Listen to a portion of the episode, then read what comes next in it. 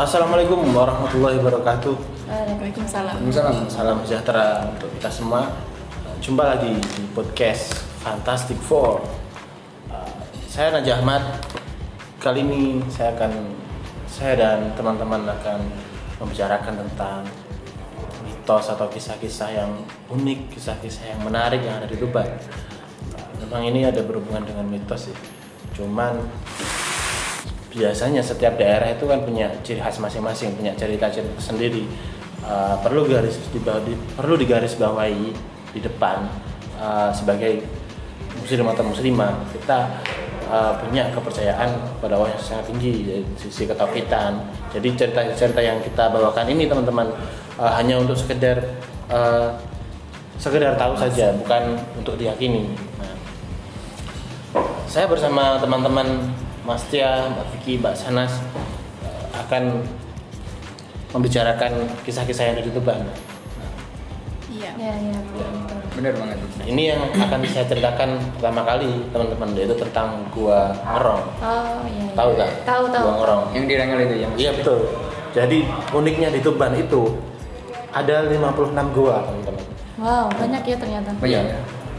Kenapa saya ingin bercerita tentang gua ini? Karena saya pernah ke sana teman-teman. Hmm. Kebetulan lokasinya itu dekat dengan rumahnya Pak Ade saya yang di Maibit.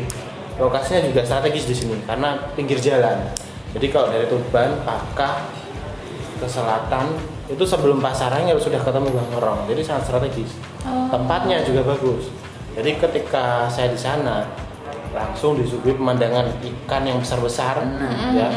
Di atasnya itu banyak kelelawar yang bergantung karena iya, waktu saya ke sana itu jam 2 Eh, dan di sana tuh ada fasilitas kayak tem- orang-orang warga lokal yang jual pakan. Jadi kalau kita beli Oh. pakan di sana tuh Untuk kita lempar ikannya. ke kolam Hmm. tuh banyak ikan yang makan umpan kita.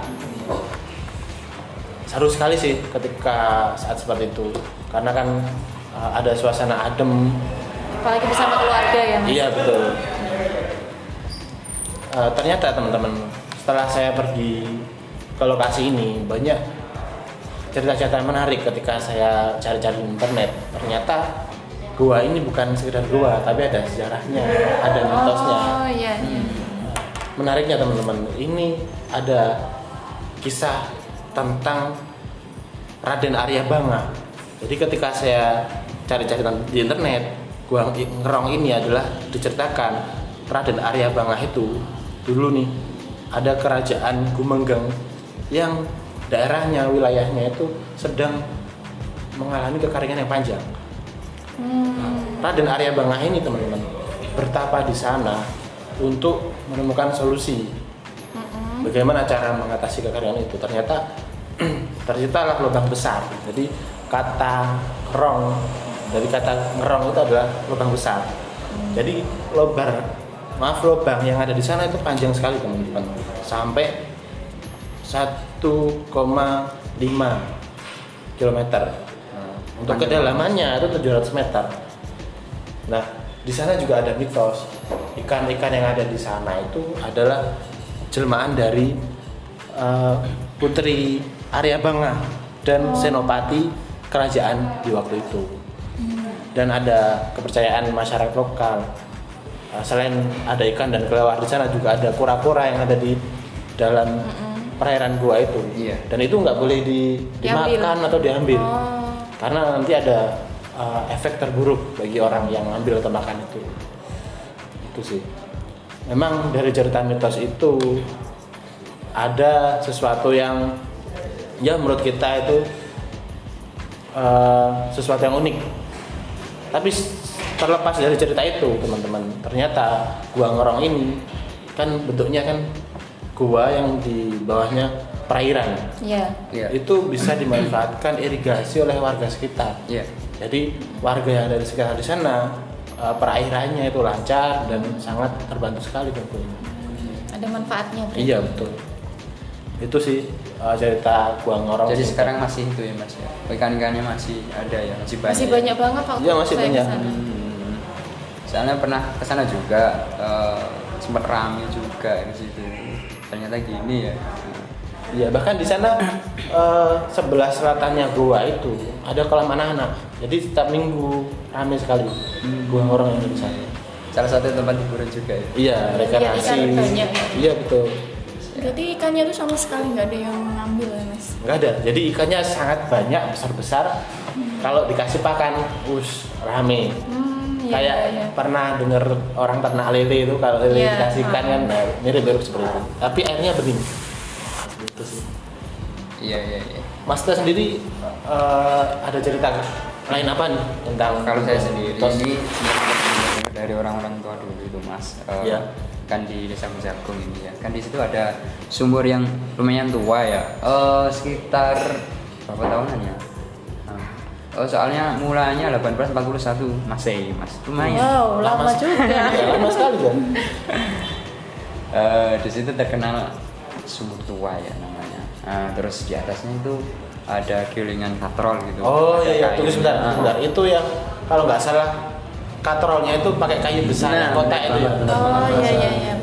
namanya apa ya kalau di daerah saya itu namanya sumur giling kayak gitu Sumur giling. nah kalau di situ kan terol gitu terus kayunya itu tua banget gitu Memang dulu nggak ada sanyo ya. Nah, terus dikasih tampar terus di ada timbanya gitu kalau orang eh, orang mau ngambil airnya harus eh, bersusah payah dulu harus se- nggak bisa sekali Se- satu orang maksudnya harus berempat gitu soalnya kan gede katrolnya Hmm, iya iya. Kalau nggak salah itu banyak orang yang nyebut itu sumur Mbah Jagung. Betul nggak mas? Iya. Eh, iya mas, itu salah satu juga ikannya dari dari Tuban. desa Jagung itu juga. Oh. Nah, jadi kalau di situ terkenal airnya mas, airnya itu eh, kadang pernah dipakai ya buat pengobatan katanya ngambilnya. Terus ada yang buat pernah dengar dari juru kunci tersebut di situ Ya. eh, airnya buat eh, sumpah Oh iya iya iya. Ah, untuk Waduh. mengikat itu serem juga itu Juga ya mas. Kalau ada orang depan nih sumpah-sumpah, coba sumpahnya pakai minum air jagung gitu ya. Oh, ada gitu juga. itu kan juga salah satu tingkat ini. peninggalan dari Sunan Jagung itu ya sendiri Wah, Eh, sekali. ah. terus uniknya ini setiap eh, malam Jumat Wage dan Kamis Ponnya Ya. Eh, selalu ramai banget mas dari pengunjungnya itu bahkan gak hanya dari Tuban sendiri sih warganya banyak yang dari luar kota juga sampai ngantri untuk eh, salah satunya yang ngambil airnya kalau pas harinya itu Iya. banyak itu orang tuh yang sampai ngantri banget gitu. Nah, jadi nggak bisa itu langsung ngambil gitu soalnya ya masih eh, kayak apa ya kayak hall gitu loh misalnya. Oh, iya. Nah, Kalau nggak salah airnya tuh ditaruh di kendi gitu ya. Betul. Iya kalau sudah di katrol dari sumbernya itu mas terus eh, tradisinya dia pas saat hari Kamis ponnya itu Ya. ada manganan dulu mas Nah, manganan itu kayak sedekah bumi gitu mas Oh, Nah, iya, iya, manganan sampai enam kali Ya, baru Sebulan enam kali. Ah. Atau satu tahun enam kali. satu tahun ya, Mas? Oh satu tahun enam kali. terus baru ke apa tradisi barian Hmm. Barian. Apa itu, barian Mas? barian itu salah sa- eh, apa ya ya semacam sedekah bumi juga sih mas Nah, Tapi beda dengan mana? lebih beda kalau di di tempat saya kayak barian itu sebelum manganan malah Nah, Mas Teh sudah pernah ikut manganan atau barian ini? pernah dong Dapat banyak. Eh, Dapat apa aja dulu? itu kan lebih ke apa ya kalau barian kalau saya sendiri yang menurut saya sendiri itu eh, nanti kita buat apa nasi itu Ya. terus dikumpulkan di makam terus bareng-bareng didoain nah itu nanti sisanya buat eh, apa juru kuncinya nah, Kayak semacam selamatan gitu. Iya, ya, nanti didoakan semua penghuninya. Apa? Eh si itu loh mas intinya itu uh, wujud dari rasa syukur dan Ah, wujud doa. sama mendoakan Oh, yang ya. sudah mendahului Ah, ah. menarik sekali sih mas Nah, dari setelah tadi mas dari Barean terus ada bersih sumurnya itu mas. Eh, itu tradisinya itu ada berapa tahun sekali tuh mas satu tahun sekali mas. Oh. Eh, berupa dawet mas. Dawetan. Bersihnya. ah. Oh, bersihkannya Dawet sama dawet. ah, sama nasi tumpengnya. Itu syarat satu dua syarat yang menggat dari kehidupan. Infonya segitu mas. menarik sekali ya, mas cerita dari sumur bejagung ini ya. Iya, iya. iya. Itu sih eh, sempet iya dengar-dengarnya cerita dari Bisagung itu dari orang-orang dulu. menarik sekali Dari saya itu. untuk Mbak Vicky dengar-dengar pernah uh, mengetahui cerita tentang ngelirik nih bagaimana Oh bukan mirip mas. Apa? Ah, ini loh Pantai Boom. oh pantai Bu. Iya. saya kira lanjut ke sama-sama air terjun juga Oh enggak. Jadi eh, siapa nih yang suka ke pantai? Ya saya. Saya juga suka. Semuanya suka. Pemandangannya bagus gitu ya. Kalau sekarang kan pantai Boomnya udah bagus ya daripada dulu bau amis kayak gitu. dan Sekarang sudah. dulu mohon maaf banyak sekali lokasi waria di sana Nah. karena kan saya anak panturan sana Iya. nah, Iya ya. tapi Jadi, pernah ada cerita dulu di pantai Bom itu dibuat kayak pelabuhan oh iya bener. betul Iya. cenggo atau bagaimana Ya, jadi Iya, dulu itu dulu itu eh, sebagai tempat pelabuhan untuk perdagangan di zaman kerajaan Majapahit waktu itu. Ah, Makanya itu kan menjorok ke dalam kan itu Iya, tempatnya. ke utara itu. Itu untuk pelabuhan ternyata, untuk perdagangan lah istilahnya kalau zaman Majapahit itu. Nah, saya juga termasuk orang yang sering ke itu mas ke Pantai Bum. Tiap sore setiap- ya. Tiap sore ya.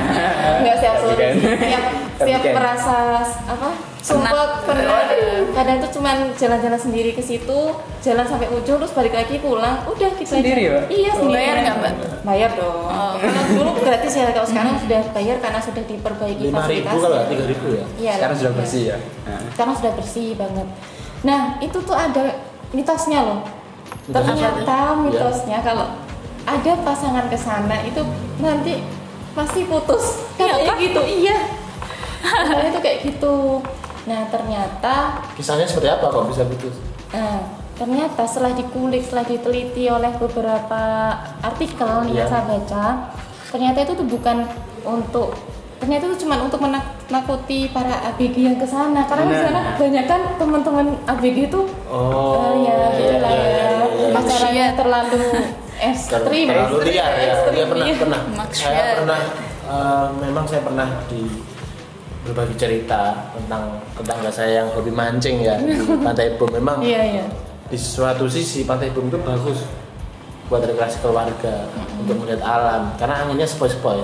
Tapi di suatu sisi eh, mungkin kalau karena pengamanan terutama CCTV di sana masih belum belum mencukupi belum memadai dibuat eh, perilaku yang menyimpang Nah, iya. anak remaja Makanya itu. ada mitos kayak gitu biar untuk mengurangi para ABG yang di sana tuh nggak bermaksiat lah ya kayak oh gitu iya ya. jadi ini mitos yang sengaja Iya. dibuat ya mitos yang sengaja dibuat. tapi untuk yang di dulu pernah dibuat pelabuhan itu memang bukti itu memang sejarah ada, ya memang ada sejarahnya itu. mantap sekali ya Tuban memang kaya ya daerah dulu ya Iya daerah perdagangan dulu di Tuban. Kemarin juga Mbak, saya cerita diceritain sama ibu. Dulu dia pernah dapat barang antik dari omnya.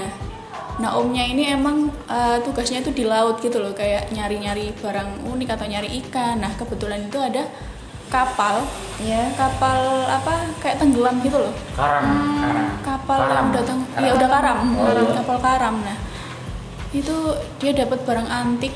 Nah itu dari Cina, katanya itu dari Pantai Bom. Hmm. Karena memang dulu kan pelabuhannya tuh berlabuh di situ kan. Hmm, iya benar-benar itu. Terus ada satu peti yang nggak bisa diambil. Oh apa tuh? Nah itu nggak tahu, karena nggak bisa sekarang diambil nah, sampai sekarang katanya. Wah. lokasi kapal karamnya itu diketahui atau tidak Di itu deket Pantai Bom di situ, Tapi nggak tahu. Misterius banget berarti Oh. itu. Dan barangnya sekarang udah nggak ada itu barang uniknya. Hmm, mahal tuh kalau dijual tuh kayaknya. Karung itu Harta karun banget. menarik sekali cerita Iya. di pantai Bom ya mulai dari sejarahnya mitos yang di- mitos yang dibuat-buat Ya, seperti itu. itu tapi keindahan yang sangat luar biasa nih di Pantai Bum itu. Eh, Mbak Sarah sendiri pernah eh, menceritakan ke kami tentang jalan-jalan apa itu? Itu jalan apa Mbak yang ada cerita Ah. tersendiri atau mitosnya? Jalan Pantura. Tahu nggak? tahu, Pasti tahu. tahu. Tahu, tahu, tahu. Jalan Pantura kan jalan utama Tuban itu yang menghubungkan dari Jawa Barat sampai Jawa Timur kan? Iya, dari iya, iya. Anyer sampai Panarukan. Nah, Ah, iya, benar. itu kan. Iya. Itu kan panjangnya 1000 km kalau nggak salah. wow Panjang banget. Panjang banget.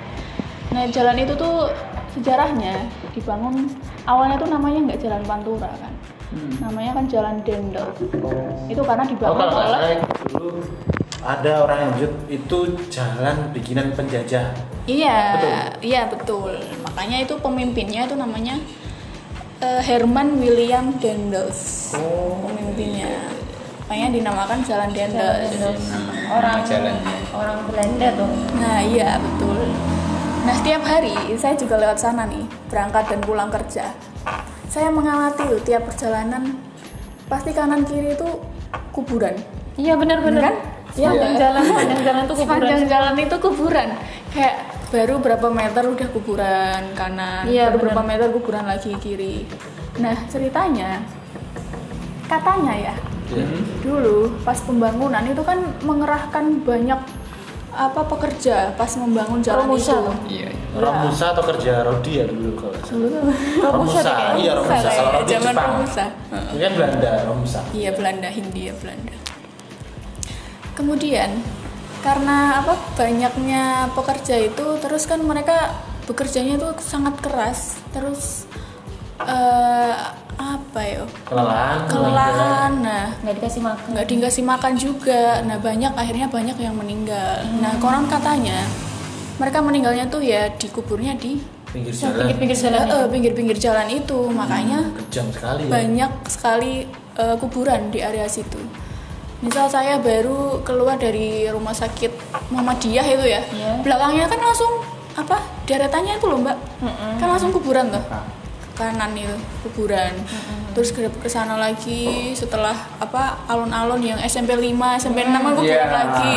Iya. Ya kan terus Iya, di iya. Manunggal kan sebelah kiri kuburan lagi. Bundaran Iya, Seiko itu ya. kuburan Iya sempat sempat juga pernah eh, ada cerita itu pas pembangunan musolanya SMP 6 itu pas galinya pas di pondasinya ada tulang gitu di situ.